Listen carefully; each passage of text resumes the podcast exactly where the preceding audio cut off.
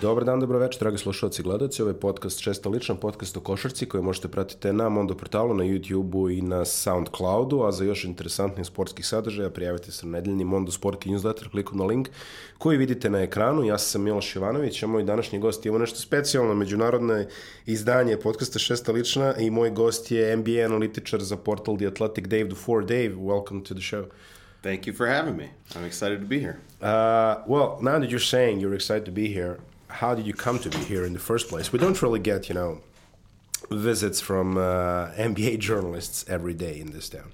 Uh, well, I came for the Derby. Um, it's the craziest basketball environment in the world, and I felt like I needed to see it, especially as of late because uh, I, I've developed a reputation for being against the way that the NBA sort of presents the game when it comes live. Uh, on television, it's fine, but uh, live, the live events leave something to be desired, in, in my opinion. You're very outspoken on the social networks about how NBA product looks like when you're in the actual arena. Can you tell it to the because i will wager a guess that 95% of people here, maybe even more, who are listening to this or watching this, haven't even attended an NBA game. So how does that look like, and how would you compare it to the experience which you had yesterday? By the way, we're taping this on Tuesday. So um, how how would that compare to the experience you have seen yesterday during the Red Star Partizan game? I'd say the biggest difference is is that when you go to a game and you know in Europe in general, uh, it's very much about the game. It's more like a college basketball game or a high school game in the states there's no music during the game. You've got a little bit of music during stoppages between quarters, halftime, things like that. But you go for the game. And in the NBA, there, you know, there's the mascot running around, you know, during every single timeout. There's music the entire game, including while guys are playing basketball, dribbling up the court. Loud music, especially, you know, in a place like San Antonio, which has some of the loudest in arena music in the league uh, I wear headphones or uh, earplugs to the games because it's so loud. Um, it, it's just uh, it's a distraction, and then you have the gigantic jumbotron, which is you know it just draws your eyes up away from from the action. And it's a shame because I think the NBA is the best basketball in the world. It's the best basketball players in the world. And it feels like the NBA wants to give us everything but the game. They want to sell me t-shirts. They want to sell me you know what concert is going to be at halftime. They want to you know they want to give me all of these things except for the actual basketball. There's the um, they have some circus acts as well. What's the name of that chinese lady juggling? red panda. Red panda. Okay all right here's what i will say. I think the halftime show is completely fine. I think music during timeouts totally fine. I, I don't care. And yes it's loud but it's fine. Um, my biggest gripes are about during the game uh, you know, the, the full timeout thing just makes sense because of the television partners. It, for, for people listening that don't know, you know, full timeout in the States is three minutes because you have to have time for commercials. Whereas, you know, in Europe, it's it's a minute. It's a minute, yeah. And it's actually a minute. So, you know, it, it, that part I can at least say, okay, I get it. You have to you have to have something happening. Um, but during the play, just it just doesn't make any sense to me that you wouldn't want your fans invested in what's happening, not you know clapping along to some song or singing along to some song that's not related to the game. Whereas here, when the fans are singing, so it's it's a song like a club song. Yeah. You know, you were you were explaining to me that there are how many songs for Red Star? Both Red Star and Partizan, I think, have. Uh, CDs published. Yeah. We're, we're, talking about like a CD with 15 odd songs. Right. It's a completely different. Partizan even has a band which is dedicated to producing music only uh, for those purposes. Yeah. And they actually, people listen to that in a car or whatever. Right. So, so it's a completely different experience. Whereas in the States, they might be singing Van Halen. Uh, yeah. It has no bearing whatsoever to, you know, the it was Spurs more Drake in California. Right. Yeah. Yeah. Which, you know, it has no relationship at all to what is actually happening on the court or mm. either team. And so, uh, again, and if the fans were doing it of their own volition, it's a completely different thing. Instead, it's this top down, you know, sing along together to create artificial ambiance.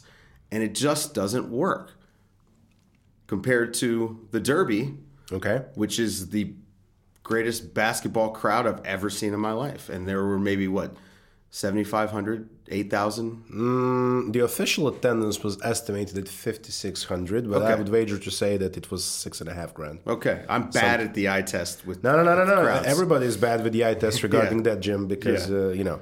But uh, I would say six and a half, maybe. Yeah, I mean, that, that place can go up to seven and a half, but then you'll have trouble breathing, and you would have known. Right. So, and it uh, according to the decibel meter on on my watch, Yeah. it got every bit as loud as the San Antonio Spurs arena. Now, the, the Spurs clearly play in a much larger venue, you know, twenty five thousand seats or something. Um, so it is easier to get that loud, but at the same time, it was all created by the crowd instead of you know gigantic speakers and a DJ, which is what you have in America. Um, So, but would you argue that uh, the NBA fan culture, when, and I mean, I'm like domestic NBA fan culture regarding the Americans, is more suited to this kind of product? I mean, um, what I remember, There's an argument to be made that that's correct. where, where I what I remember is that people would at halftime break or quarter breaks they would just leave to get their food and they would they would visit the concession stands and um, would come back somewhere midway the fourth quarter and just like you know let's continue. Compared to Europe, there is no hardcore fan in America. Yeah, there's no ultra element. Every fan is a casual fan. Even the hardest of hardcore NBA fans are casual compared to Europe. And so it's you know it is a different environment and and the concessions it's more sports in America are built toward families a little bit more than here mm-hmm. whereas this you know this is an adult adult environment. Yeah, Yeah. Uh, a working class playground. Yes. Yes. So um, I've I've written a couple of uh, pieces about uh, what culture shock did I receive when I went to see the NBA game. What was your uh, culture shock experience when you went to see Red Star Partizan? So I coached in in Germany, and Yeah. I, I've been to EuroLeague games before, um, and this one was different than than those. But I, I wouldn't say culture shock. I I think that the the part that stood out the most to me was how full the gym was an hour before the game started. Okay. there were you know i mean it was it was maybe 60 to 70 percent of the the fans that were there for the game were already there an hour before the game started. And that's completely different than in in the states where sometimes you know people show up in the middle of the first quarter If you show here up middle of the first quarter um, and your seats are taken, if, if there is a you know if there is a number Right. uh, you will be blamed for coming in late. yeah that's i mean it, it just uh it's a little bit different it, it's um you know it, it's more of a, an event i will say people uh, have cleared their schedule to do this and again back to the casual nature of american sports football uh, american football being the difference because american football is appointment television appointment day you know people go and it's a, a full day affair uh, i don't know if you know the term tailgating yeah, we do. Okay, so they go to the arena and hours before they're barbecuing with you know friends or other season ticket holders and things like that.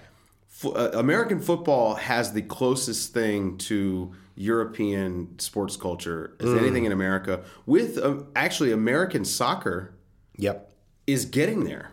I think they've got a fantastic environment. If you go to an MLS game, it, it really does have a lot of the, the European feels to it. That could be an influence of the It is. Hispanic fan base, I guess. And, well, the Hispanic fan base, but also mimicking the European culture, which you know to the benefit of the league. It, it is a, a fantastic experience. Now, more family family friendly because that's just America.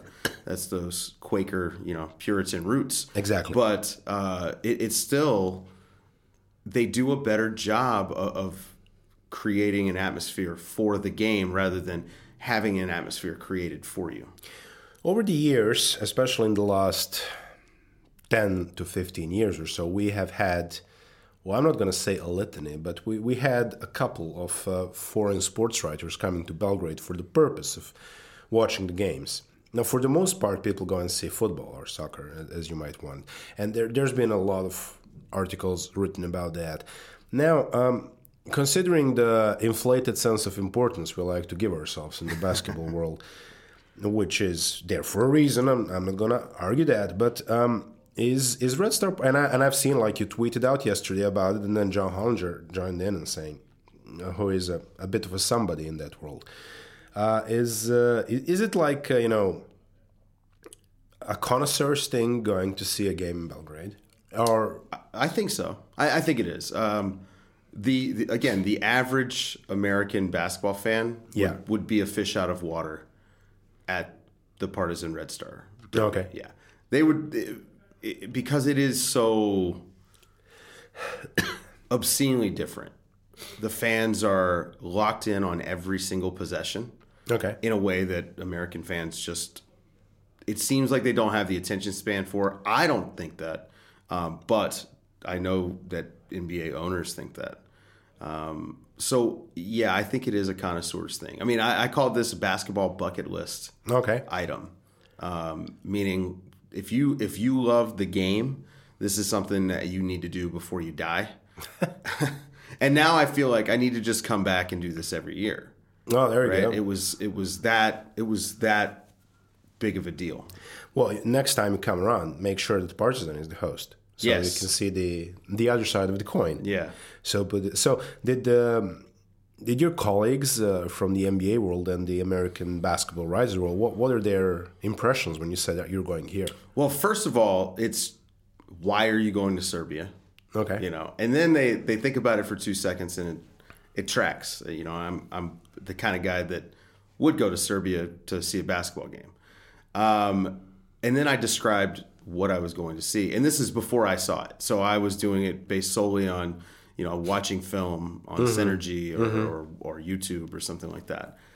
And uh, and now that I've seen it, because I you know I posted a, a photo from the, from the game, and I Yeah. posted the Billy Baron highlights, and and so I I got a lot of messages, you know, overnight that I responded to this morning, and it was very much, wow, that looks amazing, you know.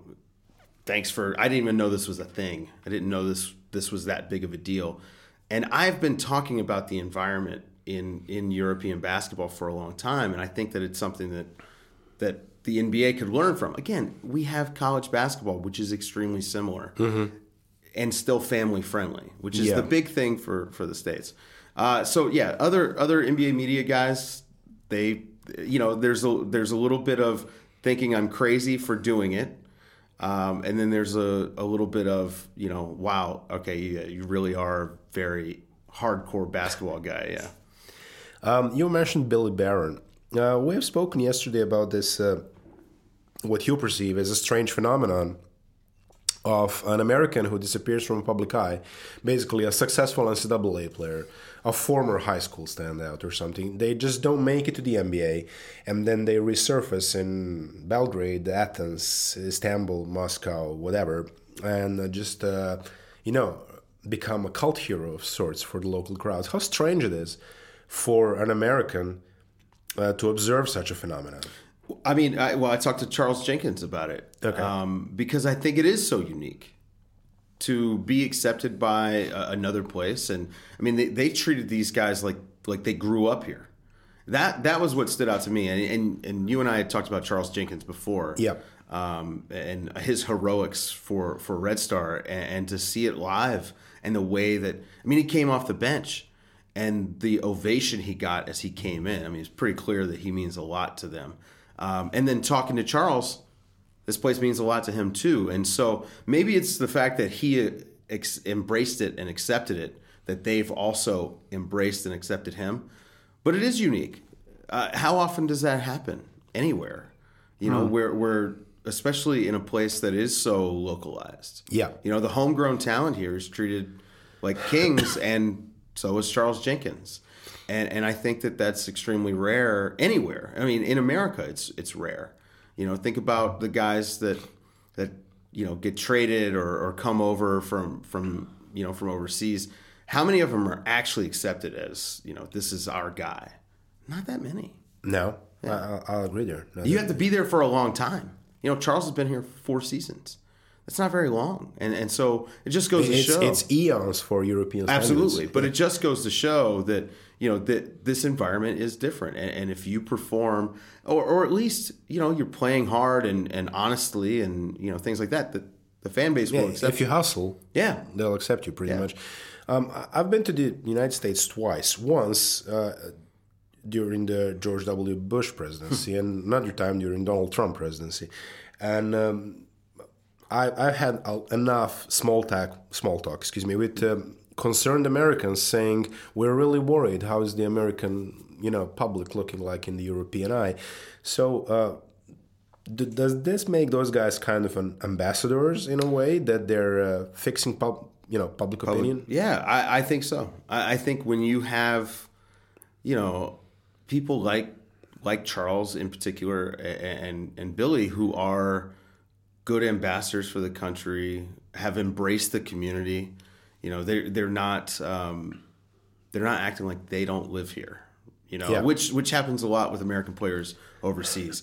Just go to the gym, train, go home, play video games. Go Yeah. to the gym, play, go home, play video games. What makes you think other players are like that, not just Americans? Well, oh, I mean, I'm sure that they are, but but I think that you know it's it's important for us. Uh, you know, we we would like at least American citizens would like to be a part of the world community. um, whether some of the people in our government do or not, that's a whole different. Um, do you think that those kinds of stories would make, uh, you know, an interesting reading or an interesting viewing for an average American? I, I think so, um, but it's hard to tell because I'm not the average American. I mean, I lived overseas for half a decade. Um, I, I have a different perspective on life, and the average American is very insulated and insular. You know, they they only think about you know their local community, maybe their state, and and then the United States. It's it's you know the world is The United sort States. of the U.S. Yeah, I mean it's huge, so I understand. Like I, I don't want to I don't want to disparage those people. It's a gigantic country, so I understand it. But you know, there's a lot more out there. What about the the level of basketball? I mean, you, you watch NBA daily. Obviously, we know this is not up to snuff of the NBA, Right. of course. But if you would have to point out like the biggest differences between uh, one game uh, of NBA basketball, one game of Adriatic or EuroLeague, Sure. my guess is that um, I think that uh, most of the games in the in, in European competitions feel like it's a matter of life and death. Yeah. Well, so the games have more value because there are fewer games. You know, you you don't play an 82 game season in each league. Yeah. And so each game is a little bit more life or death. There's also the the component. These guys aren't really friends. Okay. So it's a it's a little bit more physical. It's a little bit meaner. Yeah. I mean, the European game has been phys- more physical than the NBA for about 20 years now, at least. Since the hand check Yeah. Yeah. A- And, so that tra- that is palpable when you watch. I mean, you can see it. And I think part of it also is because it doesn't have the AAU culture that we have, where these guys they're all on touring teams, they're playing tournaments against each other all the time. Everyone in the NBA is friends. I'm not one of these old guys that think that's a bad thing. I think it's a good thing. I don't want to see guys getting into fights on the court. I would like to see them be able to mix it up a little bit because Okay. I, I think that style of play is visually appealing. Um, but as far as the, the skill level, the skill level is clearly lower. Yes. Um, you know, the Euro League is the second best league in the world, and the ACB is right behind that. Okay. And then there's a drop off. Um, you know, I, I think the Adriatic League is, you know, pretty pretty close to Serie A, like just just below. It's considered Yeah. something like a top five league. Yeah, it Europe, I is, would say. and it's it's good basketball, but it's it's very it's offense heavy. Um, you know, the athletes like just aren't what you run into in the Mm-hmm. higher leagues. Um, but with that being said, I think that it's very similar to NCAA Division One basketball With uh, as far as level of play. oh, okay, Yeah. And I, I was I was thinking level of intensity. Yeah, yeah, same. Well, again, the value of the games. You know, if you only play a 30 game season, each game really means something. And Yeah. so, you know, just like college basketball. So I, I think that this is another thing that I've kind of been pushing for is a shorter NBA season because you, fans will care more because the games matter more. Right now, one NBA game is is like 1.2% of the season. Yeah, Who cares? especially if you go all the way, then it literally is 1.2 percent of the season. Um, the Adriatic League in the recent years, basically the last 10 years, has uh, has been giving a lot of NBA talent. So Bogdan Bogdanovic for one, uh, Davis Bertans is another one. Joffrey Lauvergne played in the played in the NBA as well. Uh, Goran Dragic, obviously, and uh, just uh, you know a bunch of other Nikola Jokic. Uh, Boban. Boban, there you go. Just just a bunches bunches of players who come. Uh, is um did this improve the Adriatic League standings in eyes of the professional scouts and basketball people in the NBA? Um, it, it goes back and forth. Uh, this, the professional scouts, you, you, their opinion, you have to just throw out because they're looking at each individual guy. Okay. And their eye is so trained, and, and they don't have a league.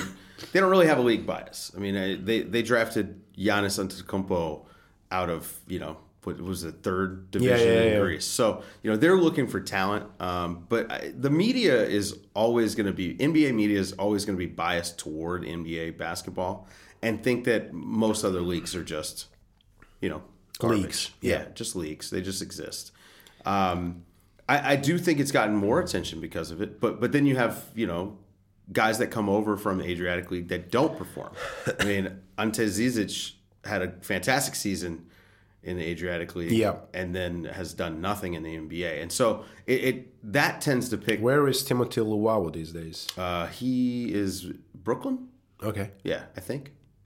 Yeah, he kind of went NBA off, expert went here. off radar Yeah, um, after Philadelphia. Yeah, I think he's in Brooklyn. I can't remember, uh, but he's you know he doesn't play. Yeah. uh, but so it it it tends to pick get more traction when a guy comes over after a great season in a league like the Adriatic League, and it's not just the Adriatic League. It happens in NBL in Australia. It happens ACB all over the world. Uh, it, it's a it's a good excuse to knock other leagues when one guy comes over and just doesn't perform well, ignoring the other guys that are pretty good. Over the last 30 years, well, ever since the so called Green Card 5 uh, in 89, uh, NBA has grown more international. Um, it started first as a you know fringe market with uh, European guys who did NCAA service like Detlef Schrempf or um, Uwe Blab or those Germans from the 80s. And, um, and there was an Icelandic player who was a backup center for the Spurs. But um, over the years, they started, you know, getting more and more foreign talent. Uh, what, in your opinion, is the biggest impact the foreign players made in the NBA? Well, I mean, the the style of play for sure. Yep. Uh, I mean, they didn't know what the Eurostep was 30 years ago. right. Yeah. The Euro step. I, actually, that, that's not completely true. I, there's there. I've seen tape. Michael Jordan did a variation of the. They Euro didn't call it step. the Eurostep. Absolutely right. Uh, it, you know, it was popularized by Yeah. you know, but but the Shammgod is, is a The Shammgod, all the bodiro guys, we call it here. yes. Exactly. Yeah. So you know that's that's a move that you know I don't even know how that crossed the ocean, but somehow it did. Yeah. Uh, because it's pre-internet. Um, I tell this story all the time. I lived in I lived about six hours south of New York. Mm-hmm. When he was when Shammgod was hitting that move in high school, Yep. I somehow learned about it, and I don't know how. No internet. It, no one, you know, I never saw video of it. It just kind of word of mouth. But- That's one of the greatest NBA names in history. Oh god, yeah, Shammgod. Yeah, it's Yeah. really good. So uh, I, I think style of play certainly um, ball movement. You know the the imp- increased ball movement, and I, I think even some of the rules that have been brought over from the FIBA game have improved. I mean, you know, the 14 second reset Yeah. that, that FIBA implemented. I think it was 2014, and the NBA did last season. I, I think that that's a huge change. Uh, and I expect actually the Well, game for the most part, the rules cross over in the other direction. Right, usually. well, traveling and things like that have, Yeah. you know, have gotten a little bit more lax. 24 for second FIBA. shot clock. Yeah. Quarters. Right. Big chain. And so, so, but style of play, certainly, I, I think, and, and ball movement, um, you know, and then, like you said, th- there were, there were sporadic Euro guys coming over, Hmm. you know, late 80s through the 90s. And then, you know, Dirk Nowitzki gets drafted, and all of a sudden, everyone's looking for the next Dirk. And that really opened the floodgates. But also, you know, the, the internet is helping. I think Hmm. uh, the game's more popular than it ever has Yeah. been, even though it's always been fairly popular in Europe, especially here. I mean, this is basketball culture. Yeah. Uh, but but greater Europe even it's gotten more popular. I, I think you know the internet is helping quite a bit. So the, I mean, the late David Stern um, is usually quoted as the guy who brought over, they opened the floodgates, so to speak. And NBA quite often uses that uh, catchphrase "global game," even though it's been global since the fifties. Right. I mean, Yeah. obviously, but the influence of NBA these days is is fairly huge. Like back in the nineties, I mean, which I remember, NBA was like a geeky niche thing here. You know, basically, uh, f- first of all, it requires you staying awake until 4 a.m.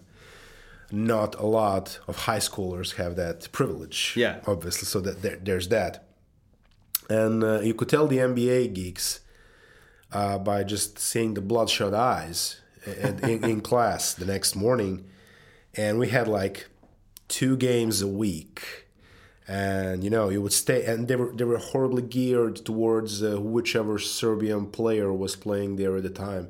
So we saw tons of Charlotte in the in, in, the- in, in the mid nineties. yeah.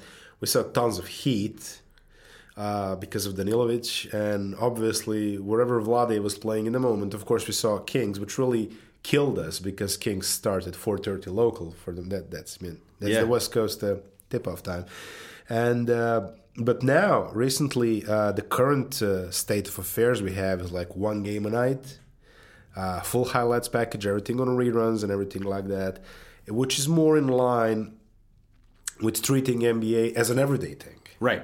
And um, internet uh, kind of, you know, brought it all together. So now you don't need to wait for the morning press to find out um uh, how many buckets did, you know, whichever Serbian player get. Uh, you have apps, you have everything. Uh, while we were reliant on just basically waiting and seeing. I, I remember the first website I ever went to uh, on my dial-up connection was NBA.com because that was the only website I could type out in the browser bar. But um, I'm wondering, um, other than the ESPN broadcast in Spanish and everything like that, how does uh, how, how does the league look at us? What's and, and the American public? International fans? Yeah, I mean, clearly it's important.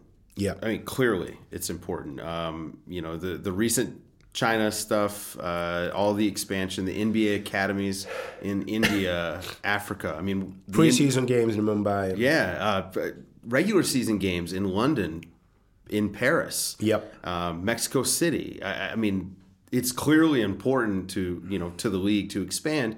And when you look at the demographics, it's like twenty five percent of the league is not American. Okay, So and and I guess if you you know that's counting Canadians. that's counting Canadians. right. Yeah. But but it is clearly important to expand, and and I think that we're going to see even more of that. Um, you know, as we go forward, it's a it's a good way to grow the game. You know, financially. Yep. Because you can tap into markets that have traditionally not been served by American sports. Mm-hmm. Um, you know, American football is not caught on in a lot of places still, mostly. Um, baseball is is big in a few places, but you know, yeah, nowhere here. Netherlands and yeah, Germany. and Japan and Yeah, Korea. yeah, obviously. Well, but those are baseball countries. Yeah, obviously. exactly. And so I think that you know there, there's plenty of room for expansion, and I think the NBA sees that. So it's very important. And I actually, to a certain degree, think that they might be focusing too much internationally. Okay. And missing out on a lot of of casual basketball fans in America. Uh, that was the argument in the you know there was a, there was a point in time, and we can call this the Darko era, when Chad Ford did his Euro Diaries and whatever, and uh, wrote and for for a certain amount of years, I would say something between 2001 and 2005, a lot of super obscure European players uh, popped up in NBA drafts and never amounted to anything. We're talking uh, Nikoloz Tskitishvili, we're talking uh, Pavel Podkolzin, uh, uh, you know, whoever remembers those guys nowadays, Right. uh, other than other than the unlucky people who drafted him, obviously, and Jeff Bzdelik or uh, whoever coached Denver at the time. And I remember reading in the American public uh, stuff like, "But this is our game. We should focus more on underclassmen, so on and so on." And uh, I think the the negative feedback received after those couple of Euro heavy bust drafts tilted the game now again more towards uh, American public and American eye. So what's the situation right now? I mean, is it still? Uh, are we chasing the next Dirk? Is that still more important? They're chasing the next LeBron, or So I mean, listen, the, the next LeBron will show up. The, the, the way America, I mean, the, you know, the overwhelming majority of people uh, drafted Yep. in the NBA are American. Uh, That's that takes care of itself. Uh, I will say there there is a little bit of a backlash against um, uh, the way that a lot of European players are viewed by Okay. the media Okay. because it's there's sort of like a I'm smarter than you because I know this guy exists thing Oh, okay. if that makes sense. And That makes sense, yeah. Yeah, and and a lot of media acts that way, you know. Um, and the Lucas stuff, Okay. you, that was very prevalent, Okay. where there was a certain subset of media and fans that that just thought he was going to be another Euro bust, even though there really haven't been that many, or uh, a Dragan Bender. Okay. Instead Jordan of- Bender, yeah, yeah, instead very, Luka very good Doncic. example to bring up. Yeah, and and the thing is, um, Luka had the resume, and no matter what you said, it was just ignored. So uh, there was a little bit of pushback, but not in front offices, not for teams. Uh, clearly, like I mean, completely fans and and certain parts of the media. I remember reading like in the well, you know, if if you're if you're following American hockey and you listen to Don Cherry and all those guys, and there was this prevalent opinion that uh, European hockey players are soft. You know, they wear visors. Yeah. Lord forbid they wear Sure. visors, um, and, and and stuff like that. Uh, I remember hearing that in the '90s and the 2000s, like, oh, you know, Europeans can only prosper as guards. Right. Uh, you can't have a European player down low because they won't mix it up with the Americans. You know, they're they're too. Did this perception change over the years? No, I mean there are still people that don't know what they're talking about that say European players are soft. Okay. Um, for my money, the the guys from the Balkans are probably the toughest guys in the league. Okay. And when you watch them play, um, and and clearly they're coming from an environment that values physicality because of, again you can hand check and Yeah. and you you know you have post play because of the hand checking. You know there's actually room for that kind of stuff. I mean I don't know how many actions I saw in the game that started out of the post. Okay. and you know so to so a certain to a certain degree, um, it is a lot more physical here. Uh, but yeah, that perception is still going to exist, and it's because uh, you know it's uh, it's a little bit more flair style of play, mm-hmm. more ball movement, a little bit more egalitarian, things like that, and, and it's a lot more egalitarian. and so it's viewed as you know like a softer style. I, I don't know what they I, I don't know what people want to be honest with Well- you like I, i've tried to figure this out where do you want do you want the beautiful game the spurs the 2015 spurs? Yeah. or you know uh, the most beautiful basketball i've ever seen in my life? Or do you want uh, you know carmelo anthony who, i think is a great player and, and i've enjoyed watching. Do you want him jab stepping from 15 feet away while his teammates stand around doing nothing? And that's somehow seen as a more physical style of play because i don't know he's mean- scoring by force. Speaking about physicality, you and I sat uh, very close to the court yesterday, and we were just behind the basket. So, in the last couple of minutes, the thing which you saw beneath the rims, that was like vintage '88 NBA, wasn't it? Yeah, and and, and it might have been a little bit too physical. If, if I'm being honest, as far as you know, for a basketball purist, Yeah. um, it, it seemed like late late game guys got away with a little bit more. Yeah. Now, would I rather the guys get away with a little bit more and Mm-hmm. actually get to decide the game? Yeah, I don't want the referees deciding the game. Um, I'm not a fan of replay. You know, for instance. Oh, they hated it. Yeah, yeah. I think it's all. I think it's a bad idea. You know, like get it. If I think we can all agree that referees are overwhelmingly really good at their jobs. I'll pass. on the, peop- I'll pass. now listen, here. people won't admit it, but it's all the stuff that they don't call, that they don't get credit for, uh, the the the tight stuff and flow of play. I thought flow of play for that game last night was fantastic, even with a couple of stoppages. Now listen, Okay. you, got to understand. I mean, you, uh, you know, I watch more NBA than just about anybody, and so it's comparatively. Um, but I think that the extra physicality late is is not necessarily a great thing because you haven't allowed it the entire game, and so it can throw guys off, you know, on the court. I would like to see something, you know, maybe seventy five to eighty percent of what we saw at the end of that game for the full game, but it is closer to late eighties, early nineties NBA, um, you know, and, and I think that I think the NBA may might have gone too soft. Um, let's uh, swing back to the NBA proper and some NBA experiences which people here don't really get often the chance to talk about. So, how is it like uh, working in the NBA media? Like, what? How is it like to be a part of that carousel? Um, it's interesting. You're you're constantly trying to figure out what people want to hear about, and sometimes you're guessing. Sometimes uh-huh. you're. Sometimes for me, it's I'm going with my gut, and I think, okay, what do I want to hear about? Okay. And then when I do that, I'm wrong ninety percent of the time. So I ha- I actually I do my Q and A on on the athletic website every Monday. It's a great way I get my finger on the pulse of what mm-hmm. people actually care about, and so I can focus in on that. Um, but that's to me that's like ninety percent of the job is talking about things that people care about in a way that's compelling and and fun and you know entertaining. Um, that is for sure like the the hardest part of the job. But how, how's the experience like going to the actual games? I mean, for the most of people, people are like saying you probably have a dream job. You're going to an NBA game every two days.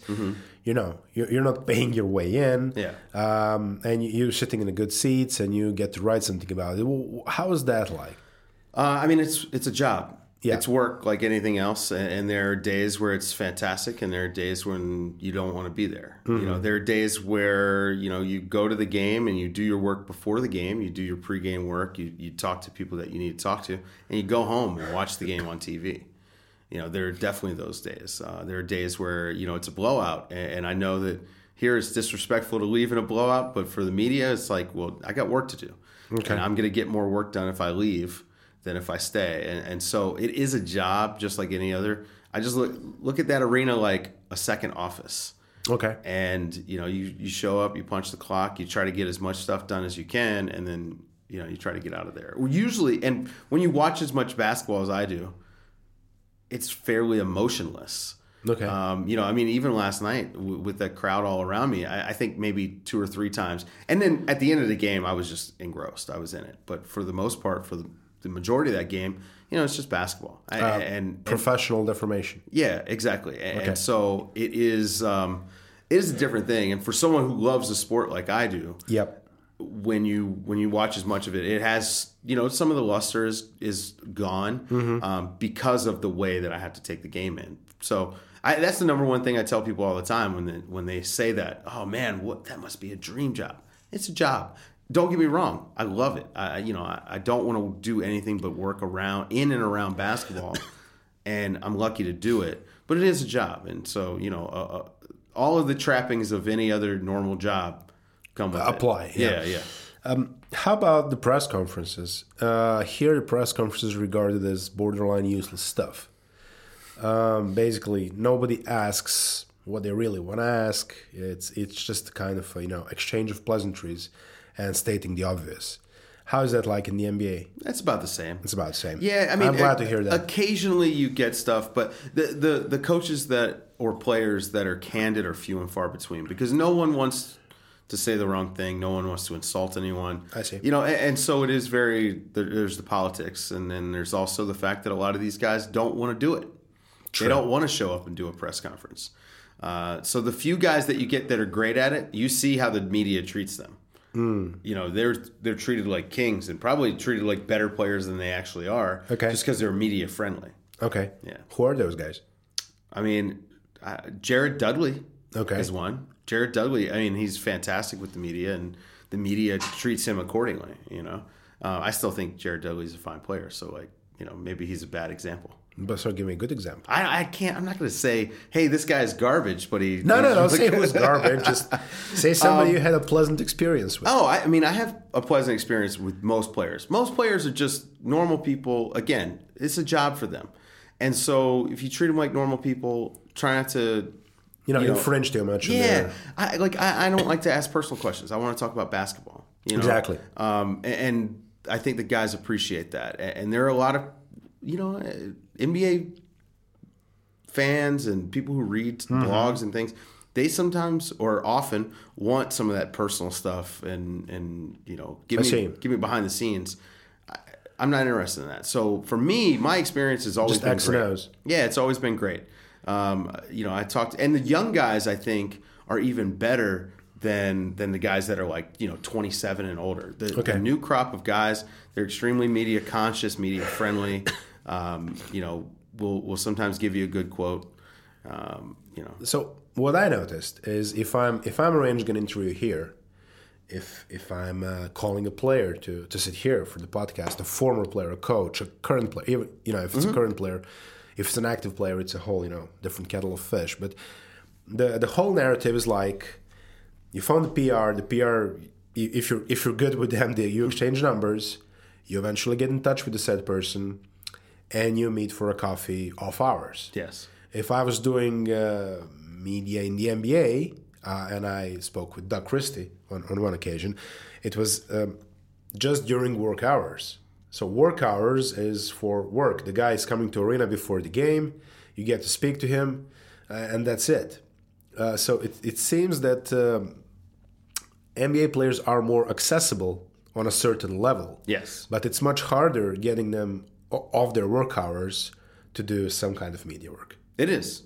Yeah, it's it's tough to uh, to have a personal relationship with players. Um, they're they're protected by the teams, their agents, uh, managers, things like that. So and, and you know, rightfully so, because there are a lot of people that would love to take advantage of, course. of that for their own gain. And so, um, yeah, it is it is very. They show up to the office too, Yeah. and they go through the motions oftentimes when it comes to the media stuff and uh, you know but but there are the occasional guys that you ask a good question in particular related to basketball that's not insulting which happens sometimes i think too often Okay. um, because you know they are people uh, it- it- but if you ask good, good questions usually they'll give you at least a, a decent response sometimes a great response steve, steve clifford uh, who's the coach of the magic gives great answers when you ask good basketball questions. Just Okay. fantastic answers. okay. Yeah. So good to see not everybody is uh, is Gregg Popovich, obviously, because th- that's what we all hear about. here, About his uh, Spartan treatment of the media. Um, you're telling that the younger guys are, are more engaging, and um, NBA, at least here, but I think in America as well and globally, is known as a young man's league. Basically, the fan base is also very young. Um, and it's geared more towards let's say young adults let's put it that way. Sure. so something like 16 to 25 ranges the nba target crowd. And uh, i've read an um, analysis. I spoke about it with the guy you met yesterday uh, the ncaa seventh which i won't mention by name now. But uh, um, I, I spoke about it with him, saying that NBA is uh, observing a decline in traditional revenue related to television, but uh, they're spiking in on the internet, Yeah. which is still not uh, how should I say quantifiable that easily, Correct. uh, and you can't really you know milk it out that that good yet. But um, here, and I mean here, it's it's getting larger and larger. I mean the the internet presence, of course, but there is a still a sizable component of people who rely on the printed press for their for their daily fix, and uh, the whole this whole new world of um internet, uh, especially unofficial sources, which I'm talking social networks, interaction with uh, sports writers uh, via social networks platforms, uh, and something like it's still kind of you know it's still not there on the level where NBA is. We don't have a Woj. I mean that that's it. We don't have a all-seeing guy of the EuroLeague. Which I mean, there's there's guys like uh, the Italian guy from Sportando, the, the you know the Emilio. yeah, Emilio, Yeah. the the Greek website uh, hoops, uh, whatever, uh, Euro hoops, Yeah. uh, and stuff like that. I mean, they're respected to a degree, but uh, they're not like you know, the world doesn't stop when they stop when they start tweeting like uh, when, Right. when it was does. So Well, which we talked about right before, right Exactly. before we started.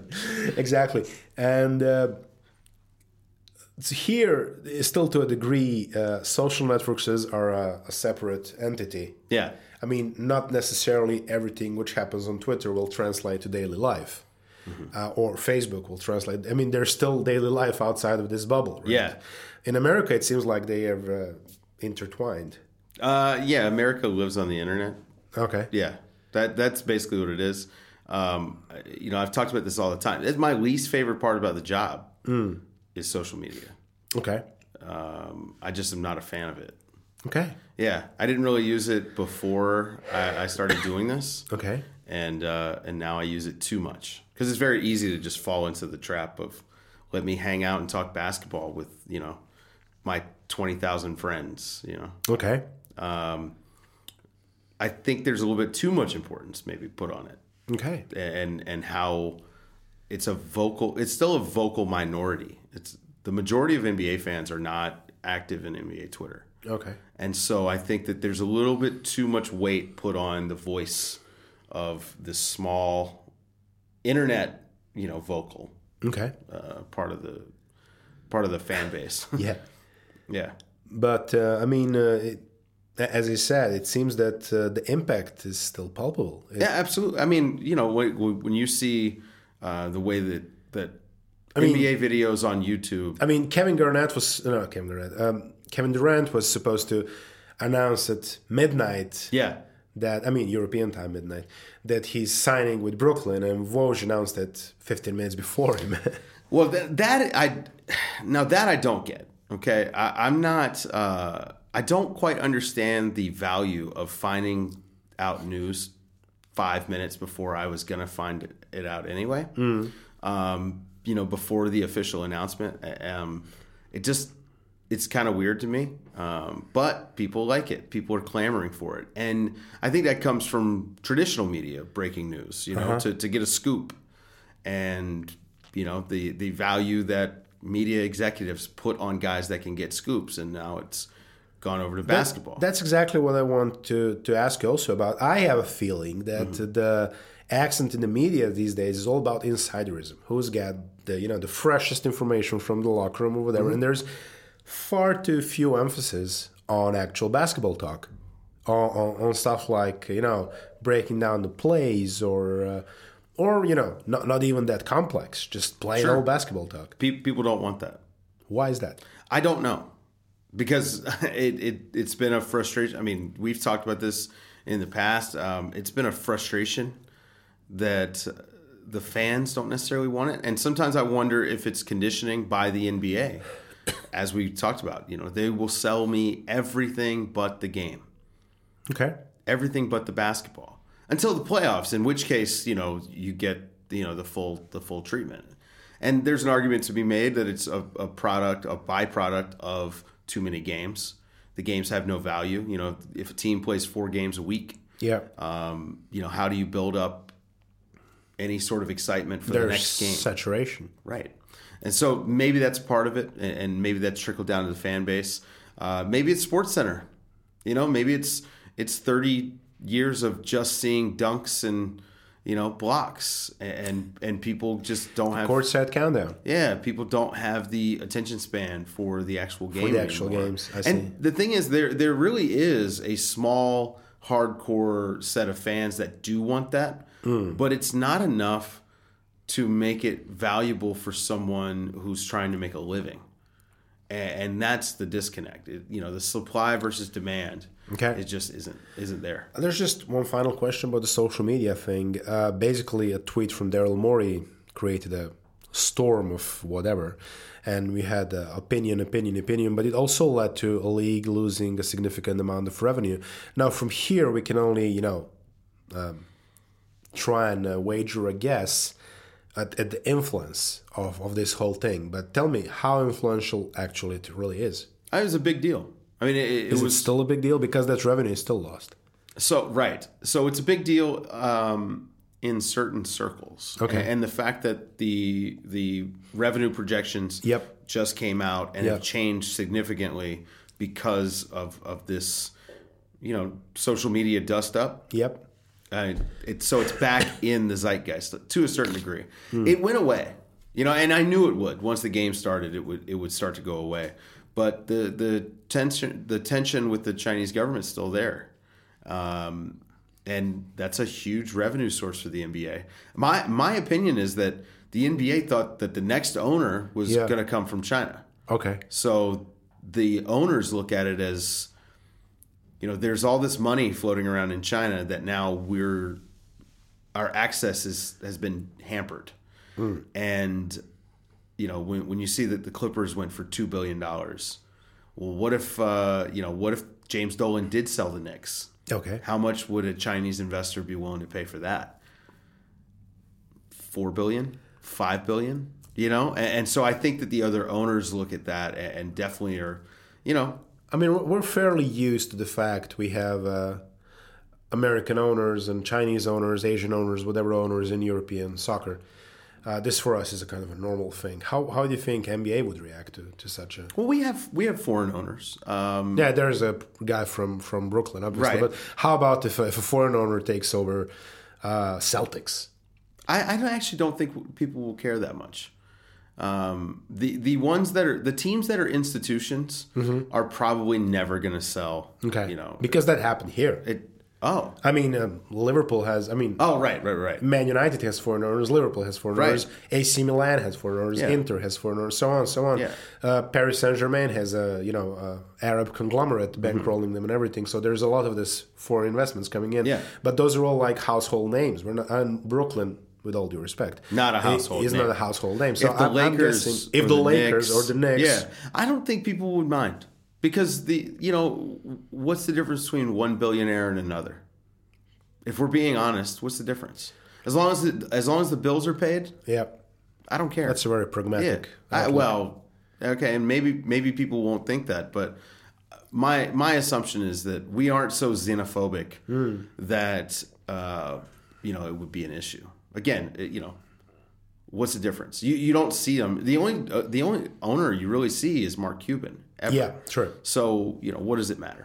Well, uh, I think that just about covers everything which everybody ever wanted to know about working in the NBA media and didn't find out before. So, you know, uh, we're in a kind of a stupid position because this is Tuesday. Uh, the NBA deadline hits on a Thursday, and this is airing on Friday. So the best that we can offer right now is projections of what's going to happen at the trade deadline, and then we can laugh at you on Friday. Yeah. Oh, I'm gonna be so wrong. But uh, here's here's what we know. So first, who's who's buying and who's selling? So that is actually the question that everyone is asking. Nobody knows. There, there are a lot of teams. I mean, uh, in the East, two through six is within like three or four games. Um, you've got a few teams trying to get the eighth seed in the in the West. Obviously, teams the, there's a difference between trying to make the playoffs and trying to compete for a title. So you've got your Lakers, you've got your Clippers, you've got your Bucks. Sixers, you know, uh, there are so many teams that could be buying on the high end. Uh, I think the Bucks mo- most likely stand pat, Okay. so I would take them out. The Lakers have no assets, so I don't know how they make a move. You know, unless they can attach something extremely valuable to Kyle Kuzma, like you know a space shuttle or something. um, I, I just you know the so the movement is going to be weird because the teams that are buyers often don't have assets. The teams with assets, I mean Oklahoma City, who's now the seven seed, might have more assets than anyone But will they sell? they're I don't think they're a buyer or a seller. I think they're just going to stand pat. I mean, Danilo Gallinari may may get moved. He's on an expiring contract and help a contender.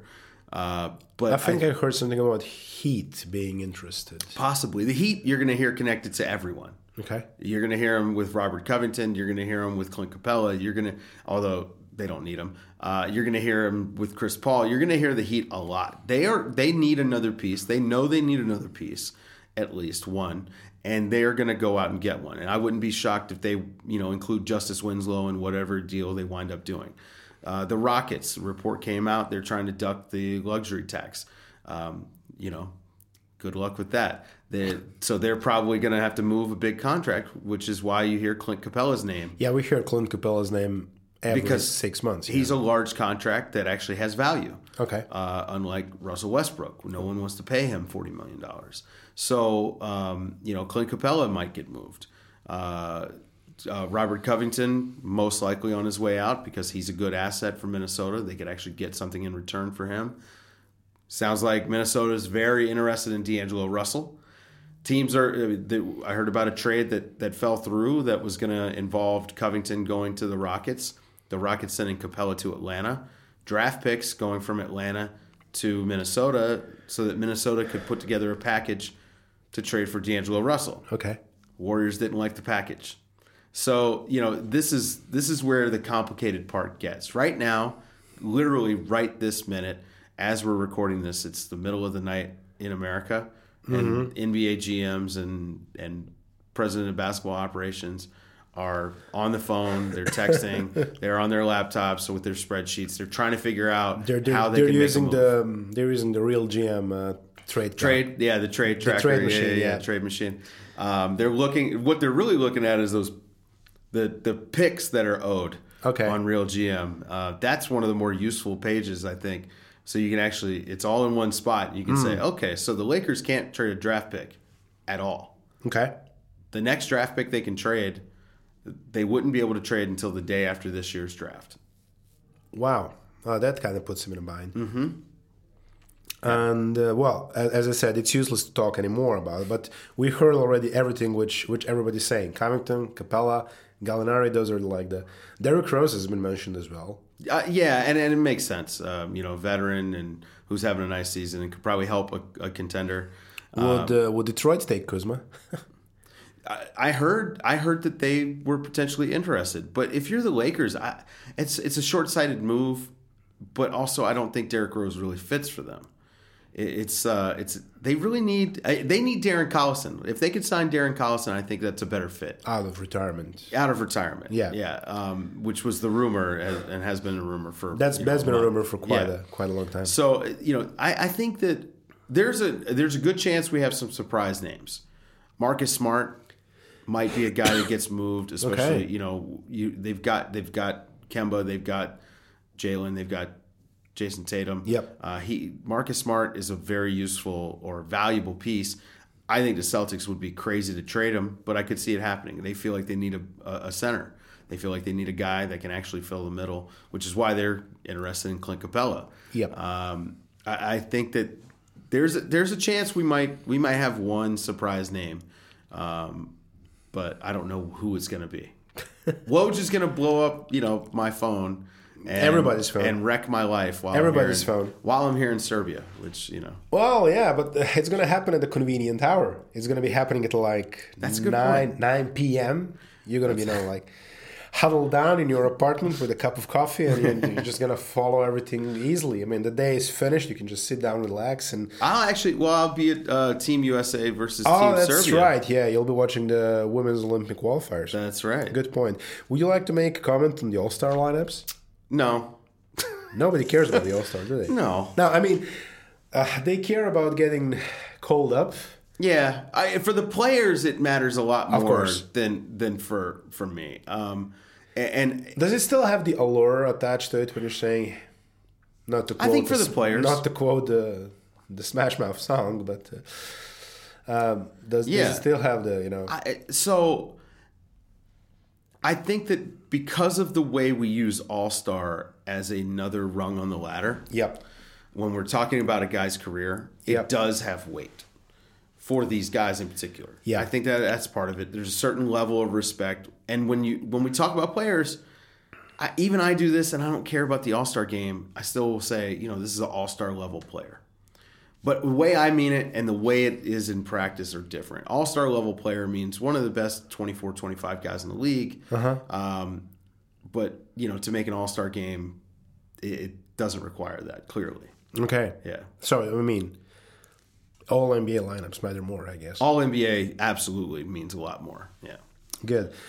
And my, my final question of the day is going to be like um, when the Kobe news broke out last week. Um, the reaction here was devastating. I mean, we're, we're talking Serbia, where the vast majority of people absolutely hated his guts because uh, he's the icon of the Lakers, which buried the Kings, which we all loved. Of course, there's the odd Laker fan and everything, but Yeah. there was not a single soul dealing with basketball in um, in media and from casual fans and from the messages on the, on the internet and social networks. That was, you know, everybody was shell shocked. Uh, and that and this is Serbia, where I said that Twitter is another life, Right. Not, not exactly. So, can you just try and uh, tell to people how did it feel like uh, for for America? Um, What was the last time, if you ever had such a case where never. Um, it's impossible to tell the story of basketball without talking a good amount about Kobe Bryant. He, because of, I mean, the the length of his career, obviously, winning five championships is is massive. Uh, cultural icon. Yeah. To me, the biggest global global NBA player. You know, Michael Jordan was was big. Yep. But he didn't have the media environment that Kobe had. I think Kobe is likely the biggest basketball player in the world ever. Okay. Um, and he's mentioned in the same breath breath as Neymar and Messi, and I Yeah. mean that's how he's treated. Man, the Pepsi commercial. Yeah, yeah. So from a global impact, I I think that that's why you guys felt it as hard as we did. Um, even even the people that didn't like Kobe still respected what he did as a player. I mean, this is one of the 15 best players of all time. Um, but it was, I mean, it's still, it's just been weird is such a, a cheap way to describe it, but that's how I describe it. It, it just feels like, uh, you know, not like you lost a family member for me, um, but a lot of people do feel that way. You know, they watched this guy grow up. You know, he was he was 18 years old when he came in the league. I mean, we know who he took to prom yeah. and and we watched him his whole life watched him you know through ups and downs and you know uh, championships and the torn achilles i mean he, you know there's a there's a lot of myth building Yeah. around kobe and, There's and a- he might be the last guy There's a Sacramento Hyatt burger, and uh, yeah, but there there might he might be the last of the uh, American mythical players because now the way the media works, I mean, there are 13 year olds on Instagram with a million followers and they're media savvy already, or they have a media person around them already. Um, you know, and and Kobe, there was you know, there's still stuff we don't know about Kobe, and and it you know he had this this incredible background where his father was a, a professional player in, in Italy and he learned Italian and in Spain. And so he didn't grow up in America and he was just this unique guy, in particular for the huge push toward globalization of the NBA.